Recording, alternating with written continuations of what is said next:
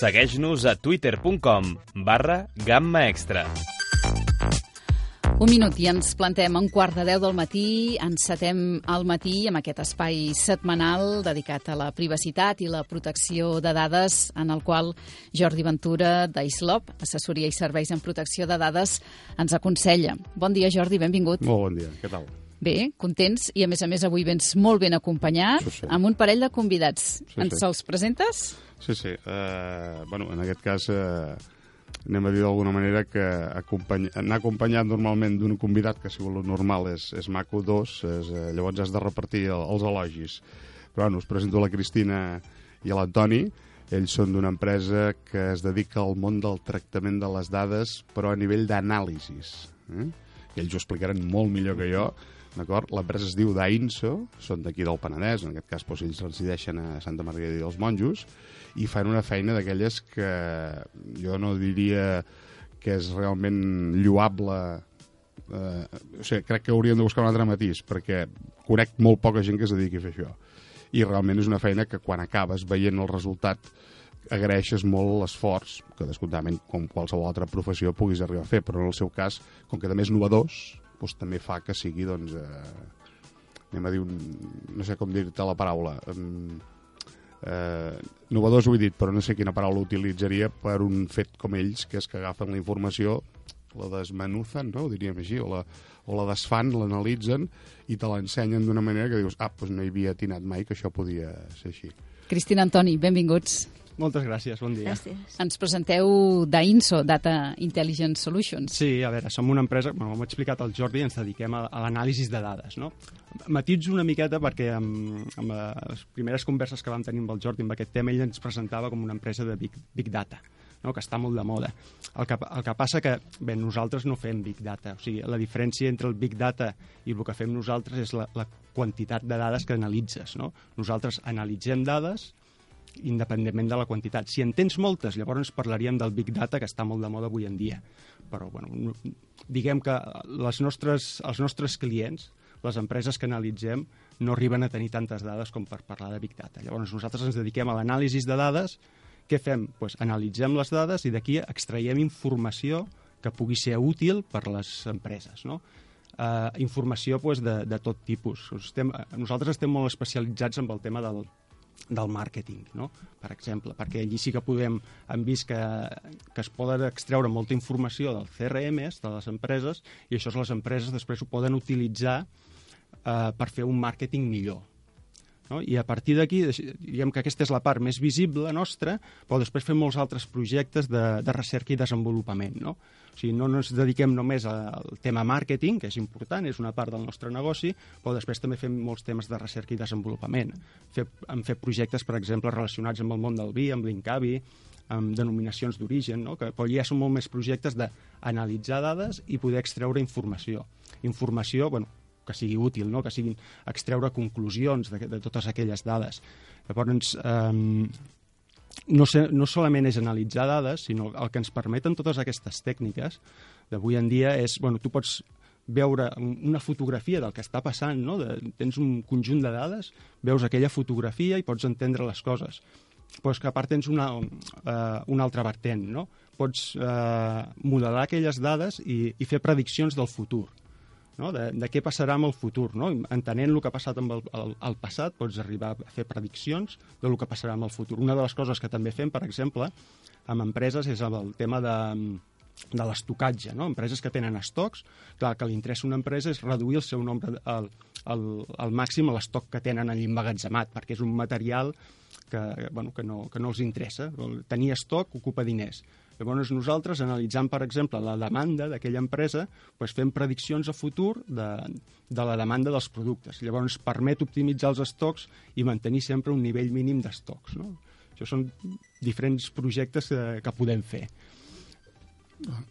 com pots comprovar, eh, eh, Sílvia, o sigui, la seva feina al final rau en poder esbrinar quina tendència té el mercat, en el cas de màrqueting. Eh? Però fixem-nos en això, aquí això aplicat al món de la, del tractament de les dades, molta gent ho, ho relacionaria, abans ho dèiem amb la Cristina, ho dèiem, per exemple, que com diu, oh, és que la gent a vegades l'ús que se'n pugui fer sembla que, que pugui arribar a ser, oh, m'espien, no? I la Sílvia em, em deia, i ara li podem mm. donar pas, no em deia, oh, el Facebook i ho tenim tot. Vull dir que per ells una miqueta l'essència seva, i m'agradaria posar si un exemple, per exemple, és tot el que sabem, i n'hem parlat alguna vegada, de les cookies, per exemple, i aquestes cookies, el tractament que se'n fa darrere, ells poden arribar a analitzar perfectament quina és una tendència de compra respecte, i això després ho apliquen eh, o ho passen al client i el client pot redirigir, sigui per un estocatge mm -hmm. o, en sí, aquest sí. cas, siguin altres eh, temes. No? Així, les cookies són clau gràcies a aquest element?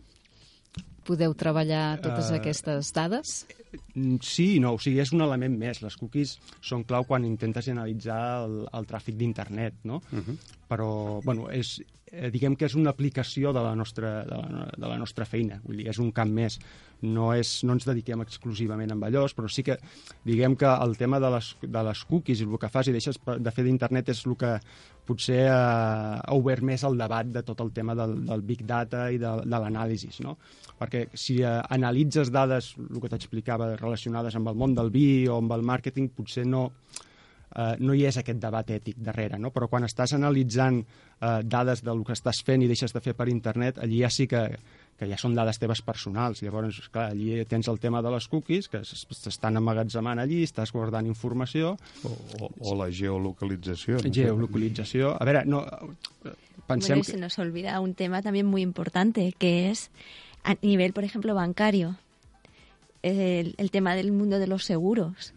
En función de la información que ellos dispongan tuya, podrían llegar a decir si te hacen un seguro de vida o un seguro de salud, la prima cómo va a ir. Aquí en España creo que todavía no se hace y no sé si por ley de protección de datos podrían llegar a hacerlo, pero en Estados Unidos, por ejemplo, con la tarjeta tuya de crédito, analizando qué compras y dejas de comprar, sí que eh, están poniendo las primas de los seguros médicos. Quina por. Jo, jo, només una cosa, eh, matitzar, o sigui, eh, ara faré un punt molt legal d'aquells que la gent, quan parles d'això, se'ns se esvera. Eh, per excepció de llei, els bancs no tenen de firmar protecció de dades només en el cas de quan passes la targeta, és part de la seva... Quan, passa, quan giren un rebot, això no han de firmar res. El problema és quan venen a darrere i comencen a demanar-te totes aquestes dades i comencen a voler-te intentar vendre qualsevol tipus de servei que no és específicament bancari. I llavors sí que ja comença a haver-hi el famós tractament que ells, per l'obligació que tenen, com qualsevol altre, signen aquest famós contracte que hem parlat sempre entre empreses que digui quin tractament se'n fa. No? Llavors que ella fa un matís molt important. És que amb una targeta et poden arribar a saber-ho tot, sí, clar, normal. Sí, sí, sí. sí, sí, sí. Però bueno, sense anar gaire més lluny, o sigui, avui en dia la gent ho publica totes les xarxes socials. Uh -huh. Vull dir, tampoc fa falta... O sigui, vas amb una entrevista de feina, o sigui, si treuen informació teva de l'entrevista, però abans han mirat el teu perfil social i et coneixen molt, molt millor pel que han vist amb aquell perfil social que no el, el que treuen de la feina, no? de, de l'entrevista. Hi ha un perfil mixt entre això, sí. eh? entre el teu currículum i el Facebook i el LinkedIn, que diuen que és el currículum perfecte. Sí, exacte, però bueno, la, es miren més al Facebook perquè allí sí que pots fer una idea clara d'aquella persona.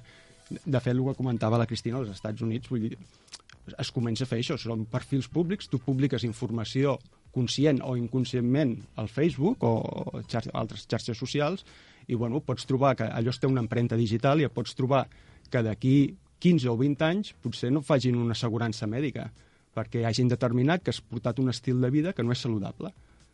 Però ho, pots, sí. ho pots estar traçat. Llavors, eh, tractament de dades aquí, bueno, clar, és, són perfils públics, vull dir, ho pots analitzar, ho pots veure. Llavors, clar, aquí també sí, la, sí. Gent, la gent té que ser conscient de lo que publica de que i de lo que, la cultura. publica. Sí. Okay. Això és com la, la, el tabac, no? Amb el tabac tens clarament allò és un missatge del fumar mata potser hauries de tenir, abans de publicar segons quines coses en una xarxa social, potser hauries de tenir allí un missatget al tanto que això que publiques et perseguirà la resta de la teva vida.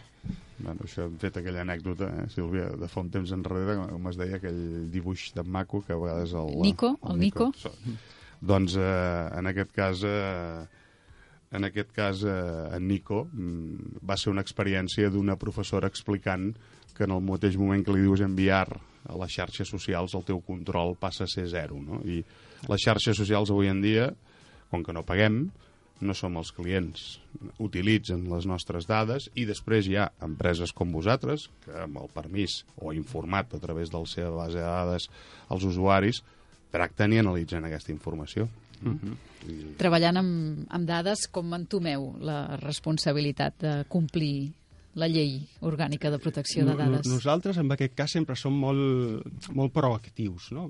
Diguem, eh, a nosaltres, nosaltres rebem dades dels nostres clients i, de fet, hauria de ser responsabilitat dels clients no? de fer-nos firmar el contracte de confidencialitat. Què passa? Que la majoria de vegades els, els clients, les empreses, no són conscients Llavors nosaltres som molt proactius i els diem, ep, hem de firmar un contracte.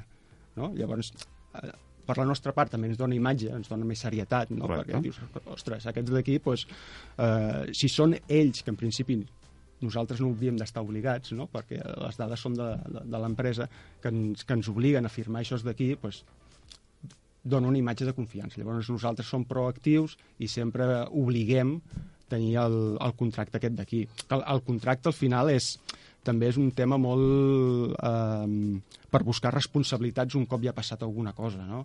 Vull dir, perquè tens una cadena no, de responsabilitats i quan, quan el mal ja està fet, llavors pots anar seguint, doncs mira, aquest d'aquí és el que, el que s'ho ha saltat, no? Però, però tampoc prevent de, de fer un mal ús d'aquelles dades. Vull dir, al final, eh, tothom pot tenir un hacker que li entri a casa seva, vull dir, hi ha hagut hackers que s'han colat als ordinadors de, de la CIA o han influït a les campanyes dels Estats Units a la, electorals, no? Pues, bueno, també es pot colar un hacker a, a dins dels teus sistemes informàtics i, i extreure aquestes dades, no? Això és, això és un món que... Ja, ja, ara ja no dono temps aquesta, aquesta temporada, però la ciberseguretat, eh? això és un tema per treure'n i molt de, de contingut. No? I matitzant això que deies tu dels contractes amb els clients, no? que la, la Sílvia una miqueta ens, ens demanava quina curiositat, ells són proactius, i la responsabilitat és, és compartida, o sigui, hi ha la part de, de del client que ha d'informar, però també hi ha la part del que la tracta, que en aquest cas sou vosaltres, que com ja veus eh, ho tenen molt clar que això és el seu objectiu a l'hora de, sí de, de, de, de ser un punt més de valor, a part de que compleixin una llei. Sí, no, i a veure, sabem que estem en el ojo de l'huracán, no? Vull dir uh -huh. que si fas alguna cosa i, i sempre hi ha el debat ètic aquest d'aquí de, del tractament de les dades, llavors sempre intentem ser el, el més seriosos possibles. Si és possible tenir dades que estiguin en, en una, anonimitzades, no? que siguin anònimes, o sigui, que sigui impossible traçar de qui són, doncs millor que millor sobretot en, amb dades sensibles. Bueno, hi ha categories, això el Jordi pot sí. explicar millor, però sí, sí. les categories més crítiques, dades mèdiques, salut, o, correcte, salut sí, sí. religió, coses d'aquestes, uh -huh. pues, si estan anonimitzades, millor. O sigui, nosaltres no necessitem saber per tractar les dades el nom de la persona, el DNI, el telèfon, l'adreça... No, nosaltres, persona A, B, C, D, i a partir d'aquí les podem tractar. O sigui, I aquí llavors el risc es mínimo, porque no, es muy difícil poder trazar algo de allí. De hecho, muchas veces los ficheros te llegan con esa información y yo que soy la parte matemática, en cuanto llegan, lo primero que hago es cargarme esa parte y hacer esto, para que en ningún caso, mediante el procesamiento, se pudiera escapar nada. Mm. A ver, ya... Mm, sí que... És molt important això que acabes de dir. Encara que ho rebis, perquè ho has de conservar sí. igual i tens la custòdia de la informació, però a partir d'aquí el tractament que en feu el feu ja doncs, des d'aquest apartat. Sí. Molt... Un, un altre problema que ens acostumem a trobar és que, bueno, sí, tu pots convèncer l'altra part. Bueno, normalment defirmen en seguida el contracte de confidencialitat, no hi ha problema. Però després et trobes el problema de que t'envien les coses, t'envien les dades, te les envien amb un correu electrònic, per exemple, sense encriptar. Dius, ostres, de què serveix firmar un contracte de confidencialitat si després estàs enviant les dades amb un correu electrònic no? que es pot ser interceptat i no està encriptat? Aquí també hem de fer molta pedagogia. Vull dir, no s'acaba firmant el contracte no, no és tot, vull dir, és una cosa més, és complir la llei, però després... Eh, bueno, la... és que complir la llei també és encriptar la informació, sí, però ja, ja... conservar-la on toca, amb, amb els passwords de seguretat, per, per no entrar en aquests detalls que entenc que no són més... Sí, sí.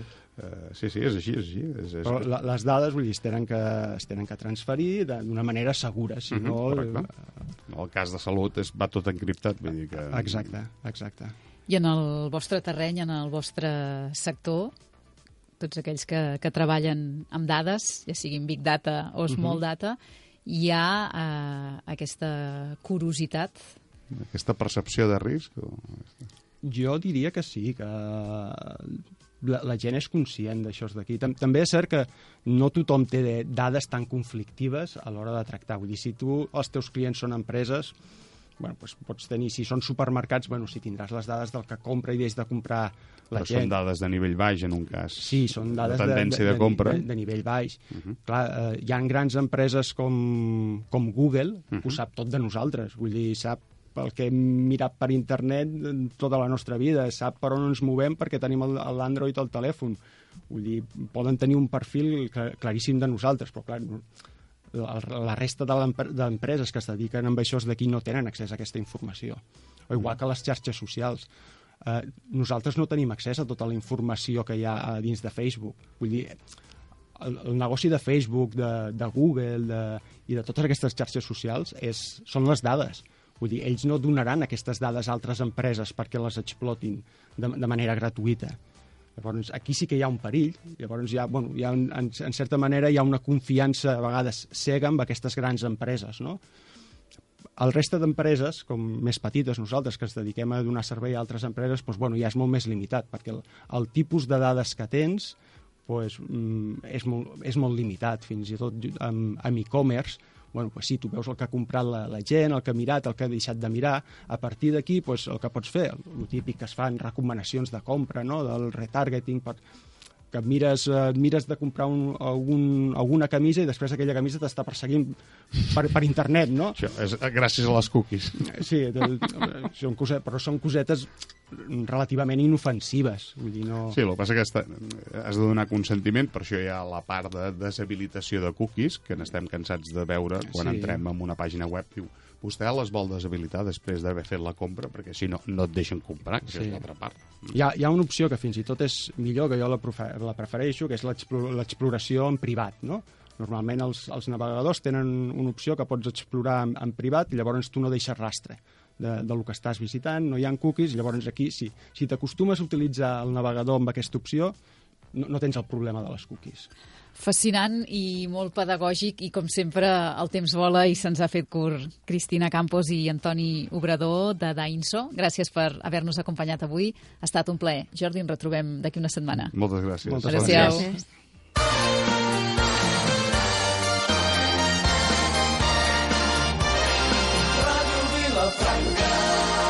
La vostra ràdio.